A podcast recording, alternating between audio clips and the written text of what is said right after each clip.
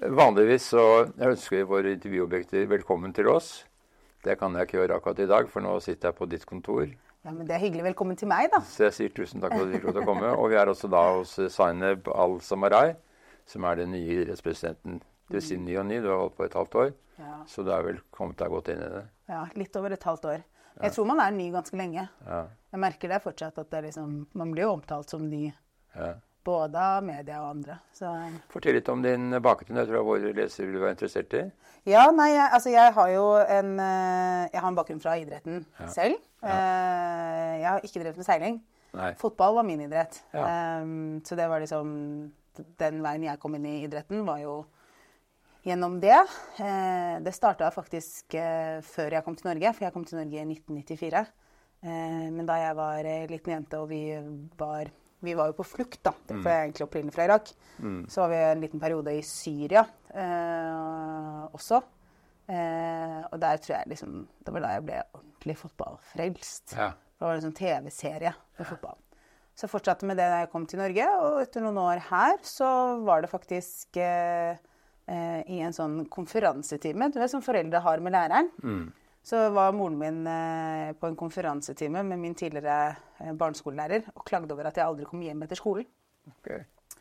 Eh, fordi jeg dro rett opp på fotballbanen og spilte fotball. Eh, og da sa læreren at men kan ikke du melde inn i et lag? Ja. Og det var jo ikke noe de visste om, og det var jo ikke helt vanlig at jenter fra Midtøsten spilte fotball heller. Nei. Eh, så da ble jeg innmeldt i et lag. Eh, og fikk lov til å begynne der, og så var det litt utfordringer med økonomi som barriere og de sakene vi jobber med også den dag i dag. Så det er jo noe som har vært i idretten i mange år. Ja. Men eh, så kom jeg ordentlig inn. Det er jo det vi skal snakke om, blant Det er det vi skal snakke om, ja. Så da kom jeg, kom jeg inn i et lag. Det var på Holmlia. Eh, holdt på der i eh, noen år før jeg dro videre til Kolbotn. Så jeg drev både med bredde- og toppidrett innenfor fotball. Så røk jeg korsbåndet, eh, som var ganske kjipt og tungt. Eh, kom meg sånn nesten tilbake, men så røk jeg egentlig kneet hvert år. Så til slutt så måtte jeg finne på noe annet. Begynte egentlig å studere juss. Eh, fullførte det òg, så jeg er jo jurist. Men jeg eh, eh, fant vel veien tilbake til idretten igjen. Som idrettspolitiker, da. Ja. Eh, og ble styremedlem og nestleder, og så leder i Holmlia sportsklubb. Akkurat. Mhm. Og så kom du inn i styret i Norges idrettsforbund. Det gjorde jeg. Det var i, 90 det var i 2019. Ja, Ble valgt inn sammen med Berit Kjøl. Ja. Det gjorde jeg på det tinget. Det er jo ganske morsomt, for jeg var jo ikke på det tinget. Så, så jeg husker ikke Kanskje, dramatikken. kanskje var det derfor. Ja, kanskje det var derfor. Jeg har tulla med det. du. At jeg er- ble sikkert valgt inn fordi slapp å møte meg. Men så har jeg jo på en måte blitt valgt igjen, da, så nå kan jeg ikke bruke det som en unnskyldning. Eh, men da ble jeg valgt inn. Mm. Ja, du vet hvor jeg kommer fra. Det er jo, det er jo seiling, da. Så vi vil jo på en måte se hvordan seilingen fungerer i, i eh, idrettspolitisk eh, sammenheng. Det vil si, det vet vi jo en god del om. Um, det som på en måte ligger eh, meg på hjertet, det er jo det som vi ser, at eh, det er veldig vanskelig for ungdom å komme inn i idrettslivet. Fordi det er så kostbart. Slik at eh, både innenfor min gren da, og, og også veldig mange andre grener, så er liksom terskelen veldig høy. Og jeg vet at det er prioritert på Idrettsforbundets eh, liste, at man skal gjøre noe med det. Um, og man kan jo for så vidt tenke seg alternative ting, men det er jo to viktige faktorer. da. Det ene er jo selve eh, kontingenten og avgiftene, som er ganske høye. Og så skal man jo ha materiell. Man skal ha båter eller ski eller eh, ja, hva det nå måtte være innenfor den grenen sin. Og det er jo alltid utfordrende. Eh, og nå skriver dere jo om det i handlingsplaner og i alle mulige ting, så vi leser jo om at dette er høyt prioritert. Og det er det kanskje også ved siden av toppidrett, så er det kanskje det viktigste for dere. Det er å få unge inn i idretten fra alle miljøer. Um, og du kan jo si litt om det dere arbeidet, arbeidet dere gjør der. Det er jo Altså, økonomi som barriere er jo noe norsk idrett har vært opptatt av i mange år. Det er liksom, det er ikke noe nytt. Det bare virker som det er nytt fordi det er noe man har satt det høyt oppe på dagsordenen, eh, eller høyere opp. Men det har liksom alltid vært noe man har vært opptatt av. Men forskjellen nå kontra tidligere er at tidligere så var det jo en ganske stor utfordring vi hadde i eh, typisk sånn storbyer. Storbyer kanskje med veldig mange med minoritetsbakgrunn, veldig sånn drabantby eh, prega, eller drabantbydeler som Ja. var liksom ramma av dette. Typisk sånn Groruddalen, Holmlia, Mortensrud, eh, kanskje til og med også Drammen. Eh, men, ikke, eh, men det var liksom ikke det omfanget det er nå. Det vi ser nå, da, som er ganske eh, mye mer krevende, er at eh, nå gjelder det også en mann i gata. Ja, for nå kommer du på topp av renteheving og prisnivå som generelt har gått i været. Det er nettopp det. Nå har folk rett og slett dårligere råd. Og, og hva er det du nedprioriterer? sant? Det er å dra på kino, det er å gå ut og spise, og det er det du ikke trenger, som er trening eller eh, aktiviteter. Det som er litt synd, er at det går utover barn og unge. Ja. Det er jo det vi er opptatt av, og det er derfor vi er opptatt av å få det eh, høyt på dagsordenen. Det som jeg synes har vært litt krevende med den debatten da jeg kom inn som idrettspresident, som har vært veldig viktig for meg å jobbe med og også for styret mitt og norsk idrett, det er jo å eh, snakke om det narrativet som var skapt. For det ble jo skapt et narrativ som at det var norsk idrett som var så dyrt. Ja. Og det, altså Misforstå meg rett, vi har noen idretter i Norge som er dyrt. Det har vi. Men de har man i andre land også. Det er nettopp det, og det hadde vi også før. Ja. Eh, så den store utfordringen som har vært nå, er at det- samfunnet har blitt så dyrt. At idretten eh, ble en eh, ekstra kostnad. Men nå når jeg har vært ute og, og reist, det er jo vært eh, privilegiet man har som ny idrettspresident, er jo at man får lov til å reise rundt og bli kjent med den organisasjonen man skal lede i større grad, så må jeg jo si at det, majoriteten av klubbene jeg har møtt, har ikke økt prisene sine siden før covid. De har jo på en måte sant, tatt på seg den kostnaden. De er jo nå i en sånn situasjon opp mot 2024-budsjettet som nå har blitt lagt frem, og det de skal drive etter i år. Den store utfordringen man har nå, er skal man øke kontingentene Ja.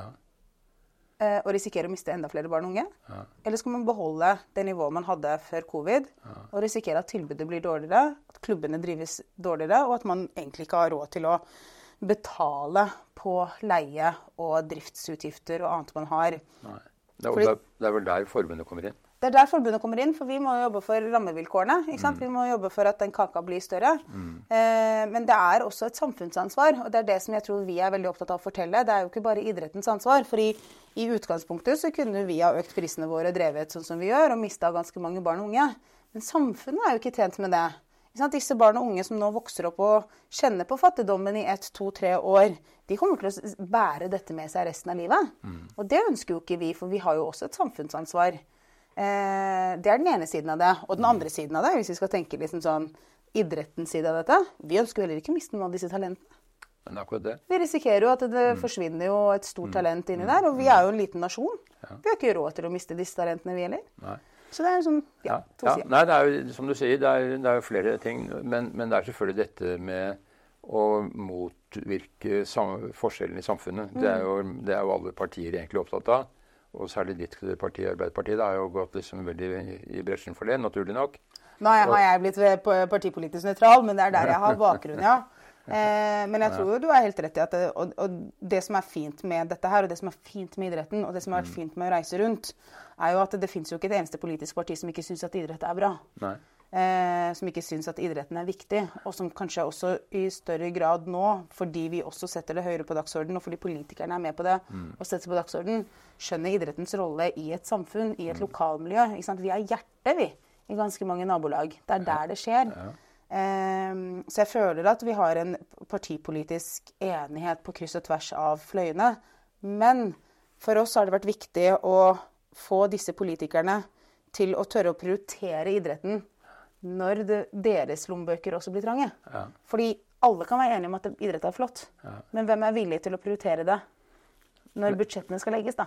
Men dere står jo på en måte overfor hovedprioriteringen av hvordan idretten skal drives fremover. da, Og dere har vel et budsjett på rundt 900 millioner kroner som skal fordeles.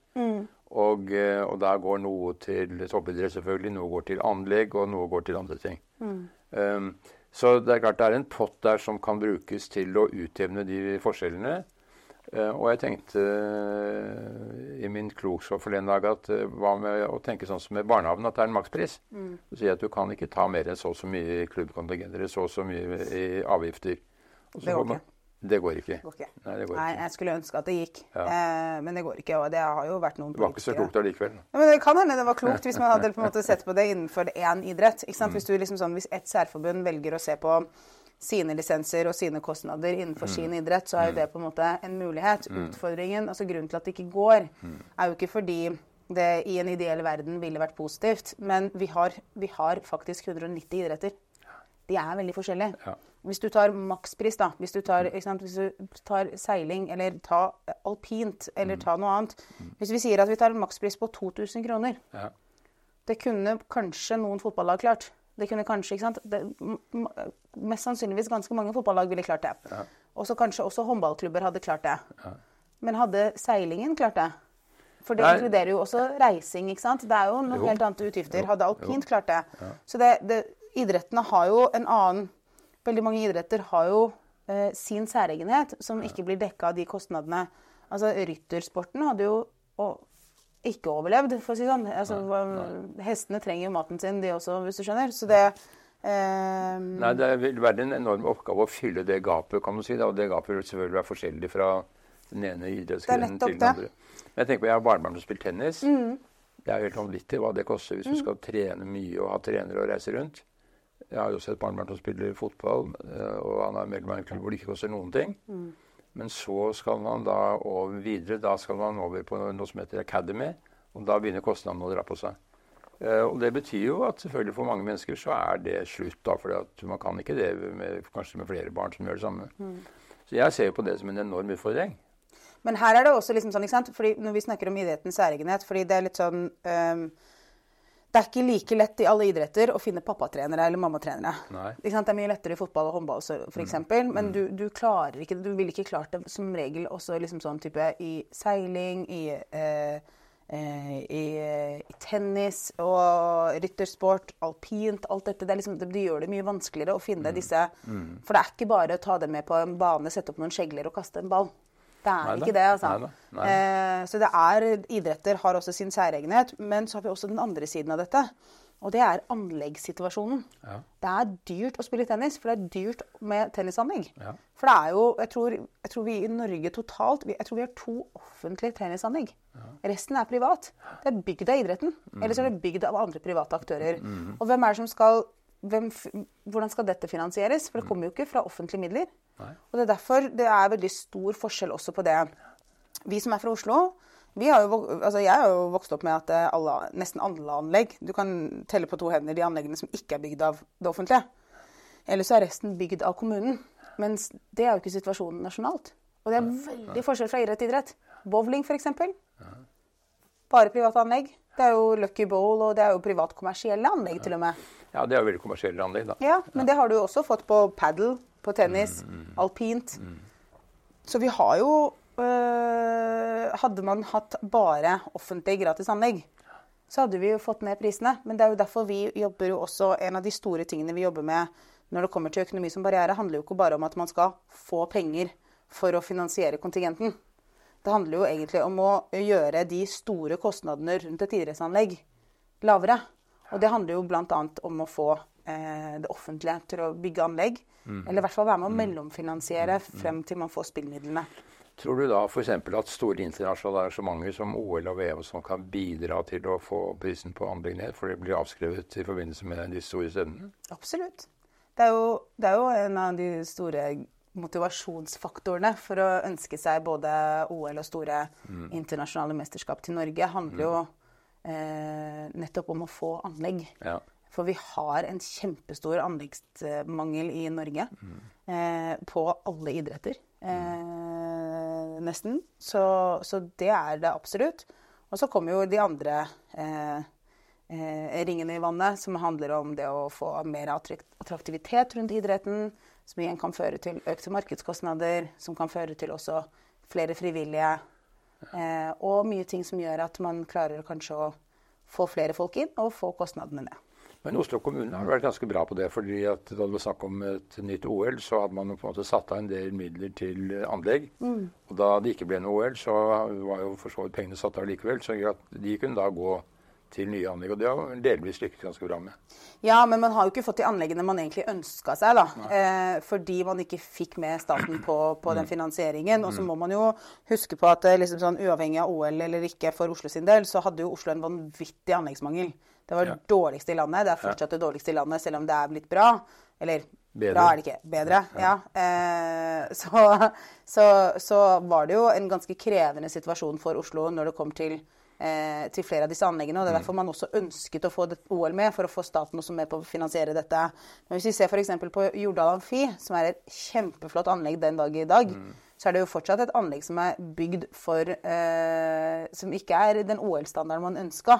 Man fikk jo et mye billigere anlegg, selv om en mm. milliard ikke er billig. Eh, så, så, er det et, et, dårligere anlegg enn det som man egentlig både Vålerenga ønska seg, og hockeymiljøet ønska seg, og egentlig Oslo-politikerne i begynnelsen ønska seg. Så man fikk jo et anlegg som nå er bygd eh, som bare, bare kan ha BVM. Mm. Vi kan aldri ha internasjonale mesterskap i Jordal Amfi på herresida på AVM. For det er ikke bygd til det. Akkurat. Men da ser man jo at seiling egentlig ikke gjør det så aller verst. Da, fordi at seilforeningene har jo også en finansieringskilde ved at de driver kommersielle båthavner ved siden av. Det som er ganske fascinerende med, med seilesporten også, er jo at det, det, er jo ganske mange av klubbene som uh, har jo kjøpt inn båtene ja. selv. Ja. Og det gjør jo at prisen er mye billigere for barn og unge som skal drive på med dette. Ja. Jeg var jo heldig. En av de første turene jeg hadde ut, var jo til Kragerø. Da var jeg og seila sammen med en uh, ung kar. Jeg tror han var 15 år og heter Birk. En fantastisk, Det var liksom min seiletrener. Uh, veldig, veldig søt og klok fyr. Men da fortalte de jo hvordan de jobbet med seilesporten rundt der for å få både uh, lokale, eh, men også de som er der på ferie, og andre til å bli interessert i, sp i, sporten. Men også hvordan de klarte å gjøre det sånn at prisene ble holdt nede. Ja, ja. Eh, Kragerø seilforening er for så vidt et eksempel på at eh, man har fått til kommersiell finansiering av privat seiling. Mm. Fordi man har kunnet kjøpt inn en del båter ved støtte fra forskjellige bankstiftelser. Mm.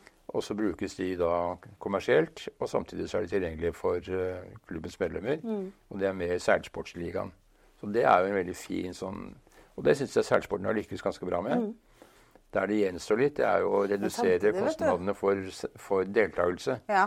Ikke sant? Når du skal, hvis du seiler Optimistoddet og skal seile Norgescup i Bergen, mm da har du med deg et helt tog med foreldre og campingvogn og ribber og greier. Mm. Det må man jo komme bort fra. Men det er, det er sånne ting som eh, øker kostnadene. Men samtidig så er det jo sånn at det, For det er det som gjør det noen ganger litt vanskelig med det vi skal sitte og jobbe med. Det politiske. Når du skal sitte og prioritere, når du skal sitte og si hva vi skal gjøre og ikke gjøre. Mm. For på den ene siden så ønsker man å gjøre alt man kan for å holde prisene lavest mulig nede. Mm. Og da kommer f.eks. diskusjoner rundt det med akademier som er et tilbud til de som faktisk vil bli gode. Ja. For de slutter jo også hvis ikke de får et tilbud som matcher dem. Mm. Men så har du liksom den andre siden av dette, hvor vi blir jo utfordra ganske mye på det. Og jeg skjønner det jo, som handler om det med reisekostnader. Så han trenger barn og unge å reise til en annen by for å trene eller spille eller et eller annet sånt ting. Og noen ganger så handler det om å få matching, som er viktig.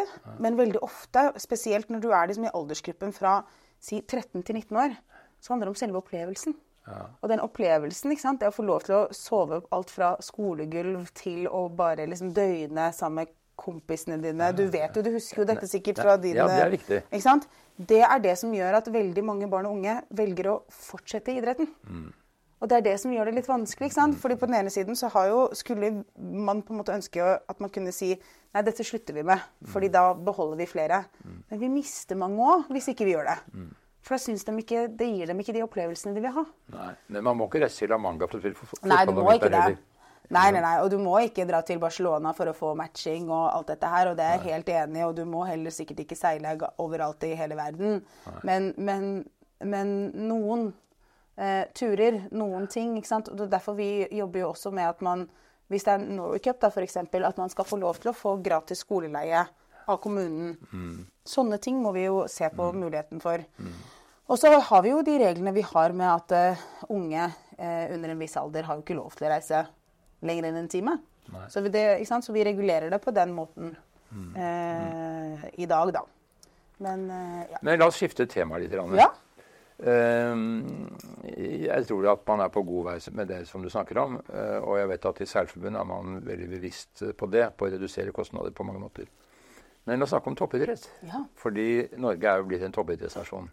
Jeg har lyst til å tenke, Det er nesten tilbake sånn som Øst-Tyskland var i gamle dager. Hvor det var statsfinansiert. Jeg liker at du tror at jeg vet hva det betyr. Nei, vet du hva statsfinansiert betyr? Jeg Vet ikke hva som skjedde i Øst-Tyskland i gamle dager? Nei, jeg vet at du er litt yngre enn meg. Ja. men, men, sånn var det i hvert fall. I Øst-Tyskland så var det det. ikke sant? Mm. Og de hadde fantastiske utøvere, men de var lønnet av staten. Mm. Så ille er det jo ikke i Norge. Men jeg ser at det er jo de som er toppidrettsutøvere, de kan jo leve av det så vidt i dag. Og, eh, og eh, det er selvfølgelig litt avhengig av hva slags sponsoravtale man har. Mm. Det har man jo sett at noen har bedre avtale enn andre osv. Men, men i hovedsak så er det mulig å leve rimelig godt av å være idrettsutøver i Norge. Mm. Og resultatet har jo vært, eh, og ikke bare derfor, men sikkert fordi man har hatt gode treningsmetoder og alt.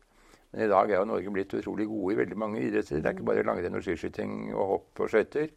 Men det er faktisk golf og tennis og andre idretter, friidrett som Seiling? Ja, seiling. Ja, ja, det har noen gode jenter der. Ja, ja. de er kjempegode jentene. Ja. Det, er jo tre stykker som er nominert på mm. Idrettsgallaen, annet. Som vi Jeg vil ikke si at vi åpner med dette intervjuet, men det er jo, det er jo faktisk i dag. ja. Så du skal reise til Trondheim og overvære det. Det blir jo veldig spennende. Og der er det toppidrettsutøverne som skal feires. Mm. Og med god grunn. Mm. Gå inn et eh, år med mange nye norske idrettsprestasjoner.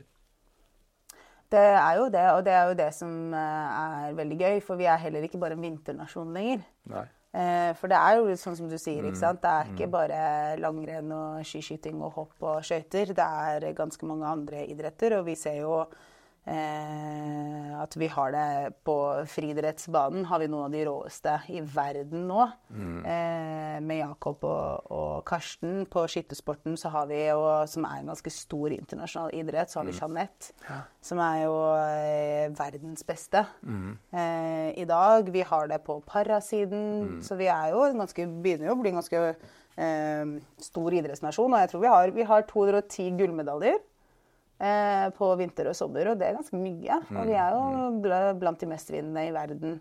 Eh, Vintersport så desidert, men også ja. når det gjelder sommersport, så er vi jo det begynner å, ganske Det begynner å komme. Vi har jo, altså, vi har jo Og så begynner det å komme idretter som vi tidligere kanskje ikke har markert oss like mye på. Altså En ting er liksom sånn friidretten som nå blir enda større, men friidrett har vi jo også hatt tradisjon for å ha noen ja. enkeltutøvere som har vært gode. Men nå begynner vi å få det liksom på vektløfting, vi begynner mm. å få det andre, og det er utrolig kult. Det som er utfordringen der, er at vi når det kommer til, eh, til stipendsida, da. Fordi vi har jo en stipendordning når det kommer til de som er knytta til Olympiatoppen. Mm. Så har vi jo folk som er eh, verdensmestere i idretter, også norske verdensmestere, mm. som ikke er tilknyttet Olympiatoppen. Det er også viktig å huske det. Vi har jo castingsporten som har det, og andre eh, av våre 55 særforbund som er ganske gode internasjonalt. Men hvis vi ser på det med Olympiatoppen, da, så er det jo realiteten i Norge i dag, så er det jo sånn at over halvparten av våre utøvere, eh, toppidrettsutøvere, de lever faktisk under EUs fattigdomsgrense. Mm. Det er Ikke sant? Mm, er, mm. de fleste tjener jo ikke penger mm. nok på idretten sin. Mm. Og de største sponsorene de har, det er mamma og pappa. Ja. Eller Lånekassen. Ja. ja. Ikke sant? Og det er derfor, når vi jobber for bedre rammevilkår for toppidrettsutøverne våre, så handler jo det ene om å prøve å få kaken større. For å kunne gi flere stipender, eller økte stipender. fordi litt av utfordringen vår nå er at kaken vår blir jo ikke større. Men vi får flere gode toppidrettsutøvere. Mm. Så vi må dele det på flere. Ja. Eh, og den, den, stipendordningen den er jo ikke sånn at vi gir til de som klarer å leve av idretten. Det er de som er hakket under de som klarer å leve ja, av den. Du må være over, eh, inntekt på over 500 000 for å få stipend? Nei, du må være under. Du må? Ja, jo... Ligge under, mener jeg. Ja, ja, så liksom sånn, ikke sant? Så fotballgutta våre får jo ikke, og Karsten og Jakob får jo ikke dette stipendet. Dette handler jo om de som ikke har den kommersielle mm. eh, inntekten ved siden av, da, som får mm. dette. Det, så, sånn at vi klarer å beholde flest mulig og, og også ha mangfold i toppidrett. For det har vært viktig for, mm. for, for oss. Eh, og så har du den andre siden som vi jobber med, og som jeg tror også er veldig viktig for seilsporten. Og det er det at man skal ha muligheten til å ta en utdanning ved siden av. Fordi det som er ganske liksom, i Seilsporten kontra ganske mange av våre andre idretter, er jo at eh, seilsporten har så mye lengre levetid. Ja. Du kan være utøver så utrolig mye lenger. Ja. Du kan begynne senere, og du kan ha det egentlig nesten hele livet ditt. Kongen pensjonerte seg jo for bare noen Ja, men To det- år siden. Det er riktig, men nå er jo olympiske seilprogram blitt veldig atletisk. Ja. Slik at det kan du ikke holde på med veldig lenge. Så tidligere hadde man jo sporten i seg selv? Sporten i seg selv kan Ja. man holde på med veldig lenge. Men Ja. da faller du utenfor Olympiatoppen og det apparatet som dere har. Men det er derfor det er, vi er opptatt av, siden vi vet at denne, det er en idrett som veldig mange eh, som eh, holder på med den. Og for å være helt ærlig, veldig mange av de jeg har møtt som driver med seiling også, er jo folk som har også lyst til å gjøre det godt på andre arenaer også, spesielt skole. Ja. Så det å finne en måte hvor man kan kombinere begge deler, Ja. eh, tror jeg er ganske viktig for at seilsporten nettopp skal ha den rekrutteringen, fortsette å ha den og fortsette å ha utøverne. Fordi det som jeg tror er også viktig for, for, eh, for meg å formidle, er at det, selv om ikke alle blir olympere, selv om ikke alle blir det, så trenger vi bredden for at de som blir olympere, skal få matching. Ja. Ikke sant? Vi trenger jo uh, nettopp å ha dette også uh, hos oss. Så, så det er flere måter vi jobber med å, å toppidretten i Norge. Det er ikke bare penga, det er også det rammene rundt. Akkurat der har jo seilsporten litt problem, fordi at det er bare én båt i hver klasse som er med i OL. Mm. Slik at det er én som blir tatt ut, og alle blir ikke tatt ut. Og så er det tatt ut av para. Ja, det er veldig kjedelig. Ja, det er veldig kjedelig. Så Og hva skjer der, tror du?